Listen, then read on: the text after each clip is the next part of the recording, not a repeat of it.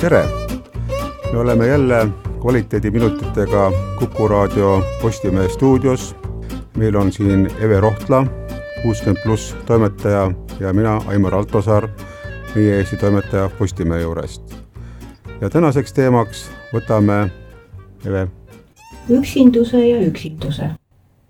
jah, üksindus ja üksildus on teema, mis puudutab nii või teisiti meid kõiki, kui me hetkel ka üksi ei ole. Selle üksinduse ja üksilduse saab hästi võtta kokku sellise näitega, et ma olen suures kaubanduskeskuses, ma ei ole üldse üksi, aga ma olen seal väga üksildane. jah, kaubanduskeskus ja noh, tänapäeva elu viib inimesi kokku ka ühistransporti, no võib-olla seal inimene liigub, ta ei tunne ennast nii üksildasena, aga siiski on ju huvitav vaadata, kuidas inimesed on endasse tõmbunud ja ei ole nagu sellist kontakti inimeste vahel. et see on ka nagu niisugune eeltingimus, et, et kui nad, oletame, jääksid nüüd seisma ja see tramm või buss või metroo ei liiguks, et millal, kaua läheb aega, et nad siis võib-olla ikkagi üksteist leiaksid ja ei tunneks ennast niimoodi siis üksildasena ja, ja uuringutest on ju tulnud välja, et on uuritud, et miks inimesed tunnevad ennast tänapäeval üksildasena, seda on vist isegi nimetatud meie sajandi katkuks ja see ei haara üldse mitte seeniore, vaid see, see ei küsi ei vanust, ei sotsiaalset staatust,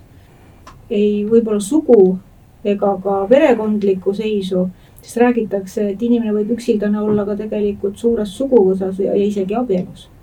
nii see on, tegelikult inimesed on oma vajadustelt ja psühholoogiliselt sättumuselt väga erinevad. ja kui tõesti on ka mõnda perekonda sündinud inimene, keda siis vanasti on siis nimetatud kas valgeks vareseks või mustaks lambaks, siis ta võib ka väga sellises heas ja õitsvas peres tunda ennast üksildasena, sest et nii-öelda valge varesena noh, temal ei ole võib-olla kellegiga suhelda ja tõmbubki järjest rohkem endasse et see on täiesti ka kahjuks tavaline asi olnud läbi aja ja noh, sinna vist on ka väga raske midagi parata, inimesed on erinevad. no muidugi mina näiteks isiklikult arvan ja olen seda meelt, et sina psühholoogina arvad samamoodi, et, et eri vanuses on põhjused üksilduseks üsna erinevad. et meie sihtgrupile mõeldud kvaliteetminutites räägime seenioridest, on vist see üksildus ja üksindus ennekõike seotud sellega et ühel hetkel kaovad su kõrvalt eh, sinu head eh, sõbrad, klassikaaslased, tuttavad, eakaaslased, kes haiguse tõttu, kes õnnetuse tõttu, kuni siis sinnamaale välja, et sul ei ole enam kõrval seda ustavat elukaaslast, kellega sa oled oma elu jaganud sinnamaale. ja siis see hetk on väga valus. Noorte hulgas on see põhjuste rida teistsugune missugused on need iseloomujooned, mis aitavad inimest selle üksildusega hakkama saada paremini, et mis, millised inimesed oma, oma omadustelt tulevad sellest paremini välja? vot siin on nüüd küll üks minu arvates, kuidas öelda, ülekohtune asi, mis võib inimestega juhtuda, et need inimesed, kes on väga ausalt oma tööd teinud olnud oma suhetes alati väga sirgjoonelised ja ka nii enda kui ka oma partnerite suhtes nõudlikud, kes noh, ongi piirdunud sellega, et tal on väga hea pereelu, oma elukaaslane, tal on lastega kõik korras, aga ta ei ole nagu ennast väga jaganud, ongi kontsentreerinud sellele oma, oma konkreetsele elule, mis on tegelikult ju väga ilus. Ja, ja, ja noh, me ei saa seda kuidagi pahaks panna aga, aga, aga sellisel juhul võib, võibki juhtuda niimoodi, et sellise konkreetsete hoiakutega inimene võib ühel hetkel just ollagi see, kes äkki avastab, et et polegi kellegiga enam äh, midagi jagada ja ta ongi ainult üksinda ja, ja ta nagu ei oska ka äkki käituda. ja nüüd võib-olla teist tüüpi inimesed, kui nüüd võrrelda jah, rohutirts ja sipelga võrdluses, kui eelmine oli nagu, keda me nimetasime sipelgas, siis rohutirts kes hüppas ja kargas ringi, et kellel on sõpru naabrite hulgas ja võib-olla kaugemalgi, et ta võib-olla ei ole olnud ei, ei, eriti korralik pereinimene, ta võib-olla ei ole korra, korralikult ka olnud nii head karjääri teinud töiselt, aga ta on selline eh, suhtlemisaldis. ja võib-olla isegi mõneti ka koormaks teistel, kellega ta suhtleb, seda ta ei, võib-olla ise ei pruugi teada. aga vot sellist eh, jah, rohutirtsu tüüpi inimese võib-olla elab selle üksinda jäämise üle, et ei tunne ennast üksilda seal, et noh, me teame nüüd selliseid kangelasi ka ju väga paljudest teleseriaalidest, kus üks väga aktiivne tädi ikkagi toimetab, õiendab ja keegi temast lahti ei saa. või see, see võib olla ka, vabandust, mitte ainult tädi, vaid ka onu, eks ole, või mees.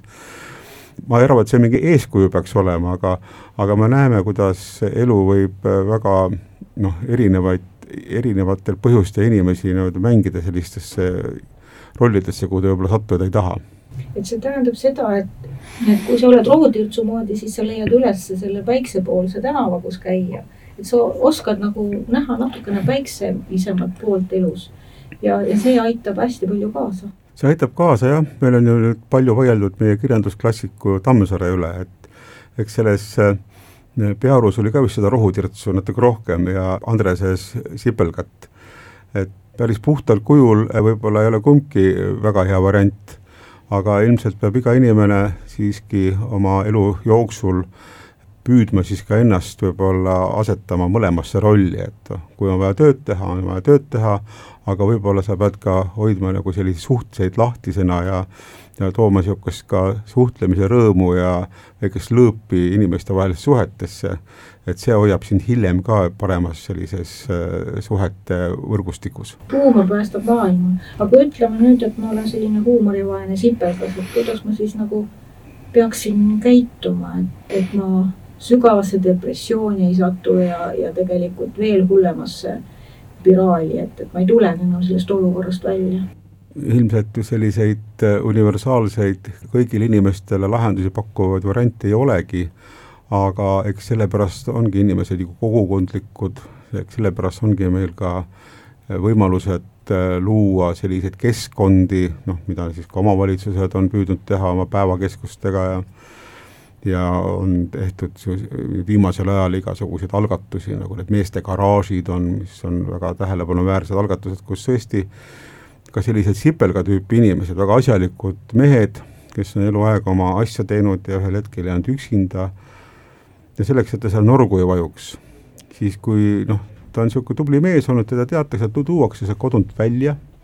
ja, ja võib-olla ta vaikib ka seal garaažis edasi, aga ta ei vaiki enam üksinda, ta on seal teiste koos laua taga ja tal on juba seal hea olla. et selles mõttes kogukondlikkus ja teiste märkamine on tegelikult see, mis võib-olla meie ka neid, kes on noh, erinevatel põhjustel üksil, üksildaseks jäänud, et selline kogukondlikkus aitaks. vot siin on nüüd üks väga hea konks, et, kui mul on isa kodus just seesamanegi üksildane võitleja, tegelikult väga hea meistrimees eluaeg olnud. ja ma tean, et mingi seltskond mehi käib kusagil, mismoodi mina tema sealt kodust sinna garaaži saan. et mis asi see on, mis nipp see on, millega ma ta sinna saan, ta ei taha ju minna, sest alati leidub ju neid vastuväiteid, et aga ma, ma ei tunne neid eriti hästi, äkki nad ei taha minuga seltsida, võib-olla me ei sobi omavahel. Ma arvan, et siin peaks nüüd nõu pidama nende meeste klubidega, kus on need kogemused olemas nii nagu on Tartus Tartu garaaž, Tartu seeniorid, eh, eriti Tartu vanamehed, Vene ja siis Nõmme vanamehed Tallinnas. ja ma tean Nõmme vanameeste suust kuulduna, et neid on tekkinud ka juba Viljandisse ja veel mitmele poole, et mul on hea meel, et see liikumine levib. ja ma arvan, et eks need siis, need vanemad mehed, ma ei taha öelda vanamehed, noh, vanemad mehed, kes on juba kokku saanud, ma arvan, et neil on retsepte ja lugusid igasuguste variantide jaoks, et ma arvan, et inimesed ongi nii erinevad et eh, ei saa nagu päris ühe lauaga lüüa. aga tähtis on see, et on tähelepanu, et tähtis, et temaga noh, kas või mõttes tegeldakse ja võib-olla kas või kogemata teel koju või teel poe juurde saadakse kokku ja äkki kellelgi plahvatab, et kuule, Evald, mul on niisugune mõte, et äkki läheks sinna. äkki see ongi see koht ja see lähevadki ja mina näiteks arvan seda, et need äh, vanemad mehed, kes koos, nemad võtavad alati veel ühe, veel kolm tükki vastu. sinna mahub alati, sest et vanameestel, vana, vanade meeste klubides on alati see kõige tähtsam, see lugude rääkimine. ja, ja küll see vaikiv mees ka lõpuks räägib oma loo ja see on alati huvitav. et ma arvan, et see köidab, sa tahad ise rääkida, sa tahad teiste lugusid kuulata ja need on nagu ilmselt teistsugused, kui on naiste, vanade naiste, vanemate naiste lood ja vanemate naiste klubid, sest et eh, need päevakeskused, seda on jah, nüüd vanemate meeste poolt kritiseeritud, ei tööta hästi vanematele meestele, naistele meeldib koos käsitööd teha, loomulikult naised ka lobisevad ja see on väga inimlik, aga nad lobisevad nagu teisi asju te,, pööravad tähelepanu teistele nüanssidele ja mehed tunnevad seal sageli ennast nagu üleliigsetena või kohatutena aga viin need mehed sinna garaaži, jutt hakkab kohe jooksma ja võtavad nii-öelda mõttes kõik mootorid lahti, mida nad elus on näinud ja see on nii huvitav nende jaoks, et loomulikult oleks hea, kui vanemaid mehi ja naisi jälle aeg-ajalt ka kokku saaks viia, no see on juba nüüd teine tase, et kas siis omavalitsus või keegi võiks korraldada mingisuguseid tantsuõhtuid või koosolemisi, kui nad ka veel tantsida enam eriti ei taha, aga aga just nimelt nii isetekkeliselt ja kuhu, kus saab nagu inimeste enda aktiivsust loota, on siis võib-olla vanemate inimeste puhul see meestel ja naistel no nagu mingisuguses mõttes nagu eraldi klubidel või seltsidel nagu väga tugev mõte olemas. jah, sest muidu jääb selline tunne, et mehed on kõik surnud et neid ei ole kusagil, et naised ikka käivad igal pool pensionäride klubides ja liitudes ja, ja seltsides ja, ja seal ikka enamasti koosneb kogu see seltskond äh, sellest nõrgemast poolest, kui nii võib öelda. et mehi on seal väga vähe, üks, kaks või kolm ja siis neid hoitakse väga ja hinnatakse väga ja ja, ja nende seltskond on väga oodatud, aga tegelikult on need mehed kõik olemas, me peame need mehed äh, sealt koduseinte vahelt välja saama ideaalis oleks muidugi see, et kui omavalitsused hakkaksid rohkem mõtlema, kogukonnad, et luua ikkagi sellised külakeskuse, kui hakata fantaseerima, et on piisavalt võimalusi, et kus oleks siis ühe, üks ruum oleks piltlikult vanematele meestele, teine ruum oleks vanematele naistele, siis oleks mingi kolmas ruum, kus võiks olla mingi nii-öelda puhvet või mingi toitlustamise koht, aga samas majas võiksid olla ka näiteks mingid lapsehoiukohad hoopis, kus ka lapselapsed kaasa tulla, siin on mõtted võivad vabalt liikuda, et, et see kogukond tajukski ennast tervikuna, et jah, mingeid asju saavad mehed eraldi teha, mingeid asju naised, aga samas on alati ka lähedal see koosolemise võimalus. aga muidu kõike korraga ei peagi tahtma, et kui saaks lihtsalt selle inimese kodunt välja. tihti ju me kuulemegi seda, et aga ma tahangi üksi olla, ma ei tahagi kuhugi minna, aga miks peab inimene väljas käima, miks ta ei tohi pikalt üksi olla, kas seal on ka mingisuguseid uuringuid selle kohta öeldud, et millised terviseriskid teda võivad ohustada? tegelikult on inimene ikkagi sotsiaalne olend.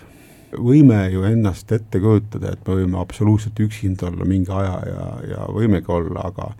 aga ega see su tervisele lõpuks hästi ei mõju. see on, meil on neid on, uuringuid on ju tehtud, kus on näha, et inimesed on alati teiste inimestega koos, ütleme, tervemad, paremad, tublimad, aktiivsemad, elavad kauem, aga üksinda jäämides jah, inimene on ju väga leidlik, alati ta leiutab endale siis need põhjendused, miks, miks siis tal ongi üksinda hea olla ja ongi vajalik ja ega inimene hätta ja inimene on nutikas. aga objektiivselt ta siiski noh, objektiivselt tema organism ikkagi kannatab ja tema elukvaliteet kindlasti langeb. et on mõtet ikka vähemalt noh, kas või kord aastaski käia korra väljas ja veenduda, et teised inimesed on olemas ja võib-olla siis konnutadki aasta edasi ja võib-olla ei olegi sul rohkem vaja, aga see kord aastas peab ikkagi olema no kui me meenutame neid vanu häid vene filme, nõukogudeaegseid filme, siis äh, nii ühes kui teises Äh, mängufilmis tuleb ikkagi ette see episood, kus vanad mehed mängivad majade vahel doominot.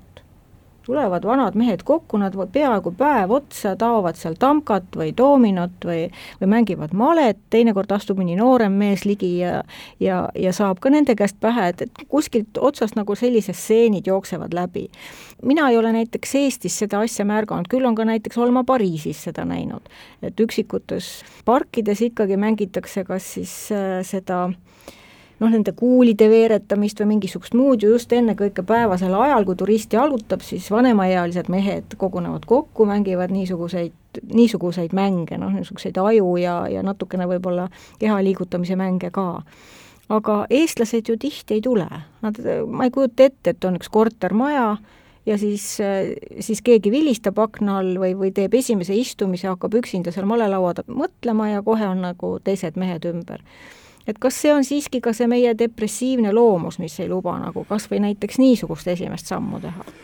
no mina arvan, et see on pigem meie depressiivne kliima ja, ja see vöönd, noh, kui me räägime venelastest, siis ikkagi nende juur on ikka tugevalt lõuna pool. et kus oli seda valget ja sooja aega ka väljaspool tööd rohkem. aga eestlased, ega siin põhjarahvastel nüüd sellist väljas konutamist ja ühist palli mängimist polegi, lihtsalt suvi kulub ära tööde tegemiseks ja talvel on pime ja kus on siis selline vaba aeg keskendunudki oma siis pere või suurpere sees tegutsemiseks. ja loomulikult siis kõrtsid, noh, mis on ka lahutamatu osa olnud külakultuurist, aga noh, see on see koht, kus siis on suheldud, aga see ilmselt ei ole olnud äh, just nendele vanematele, kes on juba natuke kehva liikumisega, kelle tervis logiseb. No mina ei tea, ma ei ole neid uuringuid lugenud, et kui, kes siis nendes külakõrtsides käisid, aga ma oletan, et seal käisid ikka pigem need mehed, kellel oli natukene noh, võimalik raha kulutada selle peale ja kes said ise liikuda, aga, aga kuidas oli nende vanemate saunamadistega, kes ise enam mhm. liikuda ei saanud, ma kardan, et need konutasid ka oma saunas ja, ja, ja seda on peetud meie kultuuris normaalseks. aga jälle, ma arvan, et kõik ajas muutub, et kui, kuigi kliima meil ei parane, siis ütleme, see tööaeg on ikka inimestel nii palju vähenenud ja kui ma nüüd silme ette lasen neid noorte, noorte, nooremates inimestes kogukondi, kes on siin Eestis siin ja seal noh, loonud kas siis külaseltse või selliseid kooli ümbruse, ümbruskonnaga seotud seltse, mul on tunne, et see päris nooremas põlvkonnas ikkagi see kooskäimine äh, on hakanud ka noh, tekkima, et on tekkinud võimalused, on tekkinud aega, et võib-olla see kultuur meil tekib. Jah, ja muidugi eriti tore oleks minu meelest see, et need, neid seeniore ei lükata sedasi omaette kuskile nurka ja kuhugi noh, ütleme siis garaaži või või, või kuhugi tahatuppa, et väga tore oleks ju, kui on üks mõnus nalja heitev äh, papi, kes, kes armastab olla noorte inimestega ja kelle, kellega koos on ka noortel huvitav. et mulle näiteks meeldiks see, kui, kui erinevad põlvkonnad oleksid koos ja et see nutitelefon on sinna kuskile mujale pandud, et vahepeal ikkagi ka suheldakse, räägitakse, vanad mehed on tegelikult väga huvitavad ja neil on vahvad lood ja neid on, neid on ju põnev kuulata, ma arvan, et noortel ka. ma olen nõus sellega, et sinna me peame nagu liikuma, ma mainisin ka enne, et selliste kogukonnamajade poole, kus, kus on võimalik olla oma seltskonnaga, aga kus on ka võimalik ka teistega kokku puutuda ja mingisuguseid äh, asju koos teha, mängida, pilli mängida või siis ka mingeid mälumänge teha või kus sul on võimalik laps, laps ja lastega koos olla. ma arvan, et sinna suunas me peame liikuma, et on jah, vaja eraldi olla, aga on vaja ka koos olla et kui Mati on leidnud oma vana-vanaisa habemenoa, see on nüri, et siis on onu Oskar, kes veel Just. mäletab, kuidas seda habemenuga nahkvöö peal teritati. et läheb Oskari juurde, ütles, et Oskar, näita, kuidas see, kuidas see habemenuga teravaks saab. just, no ka vikati luiskamine, et äh, mul on hea meel, et ma kunagi sain selle oskuse kätte, ma hea meelega oleks ka juba vanaisa ammu, et tahaks ka seda oskust õpetada, et ega see on ju, kunagi mäletame, oli ju maal ju see üks heli, mida kuulsid, kuidas vikati luisati, eks ole, et et see heli võiks meiega nüüd ka kaasas käia, eriti kui nüüd just vanad tarkused võiksidki tulla uuesti nagu päevakorda, sest et mul on hea meel, et ka seda muru pügamist nüüd nii-öelda millimeetri kõrguseks ei peeta nii heaks tooniks, et võiks, võiks, võikski olla, lasta põlve kõrguseks ja siis käia vigatigi üle, et noh, sellest küll piisab, et saada oma kodustele jänestele või kes sul on sööta ja et ühesõnaga sellised head vanad kombed, kus on nii noortel kui ka vanadel kohta, et need oleksid küll, mis võiksid ühendada, võiksid olla mõlemale poole huvitavad, aga selleks võiks olla jah, nüüd ka teadlikult neid tingimusi vaja luua, et mul on tunne, et Eestis on need alged juba olemas, aga võib-olla nad ei saa veel kokku, kus on need nooremate kogukonnad ja kus on teises kohas võib-olla need vanad, kes on praegu üksi jäänud, aga püüaks need siis kuidagi kokku kasvatada ja küllap nendel vanadel on noortelt ka õppida, näiteks kuidas oma pilte pilvepiirile saata ja kuidas neid koguda, nii et oh. et ongi nei-, on neilgi midagi noorematelt õppida. see ongi tänapäeva suur võimalus, et vana võib näidata, kuidas seal luga teritatakse või vigat luisatakse, aga samas võiks noor näidata, kuidas järjekordset äppi alla laadida ja need on just nimelt ealise, eaga kaasas käivad võimekused, et mõlemad võidavad. jah, et kui sa lähed seenemetsa, siis tõmba see seeneäpp alla, siis sa tead, et kas see seen kõlbab süüa või mitte. just, jah. et me ilmselt tänase mõttevahetus oleme vähemalt sellise positiivse noodi peal saame lõpetada, et, et tegelikult on lahendused olemas. me peame lihtsalt teadvustama, et sellega on vaja tegeleda, et üksildus ei ole iseenesest eh, asi, mis võib ära kaduda, see pigem süveneb, aga kui me oleme veendunud, et sellega on võimalik tegeleda, siis tegeleme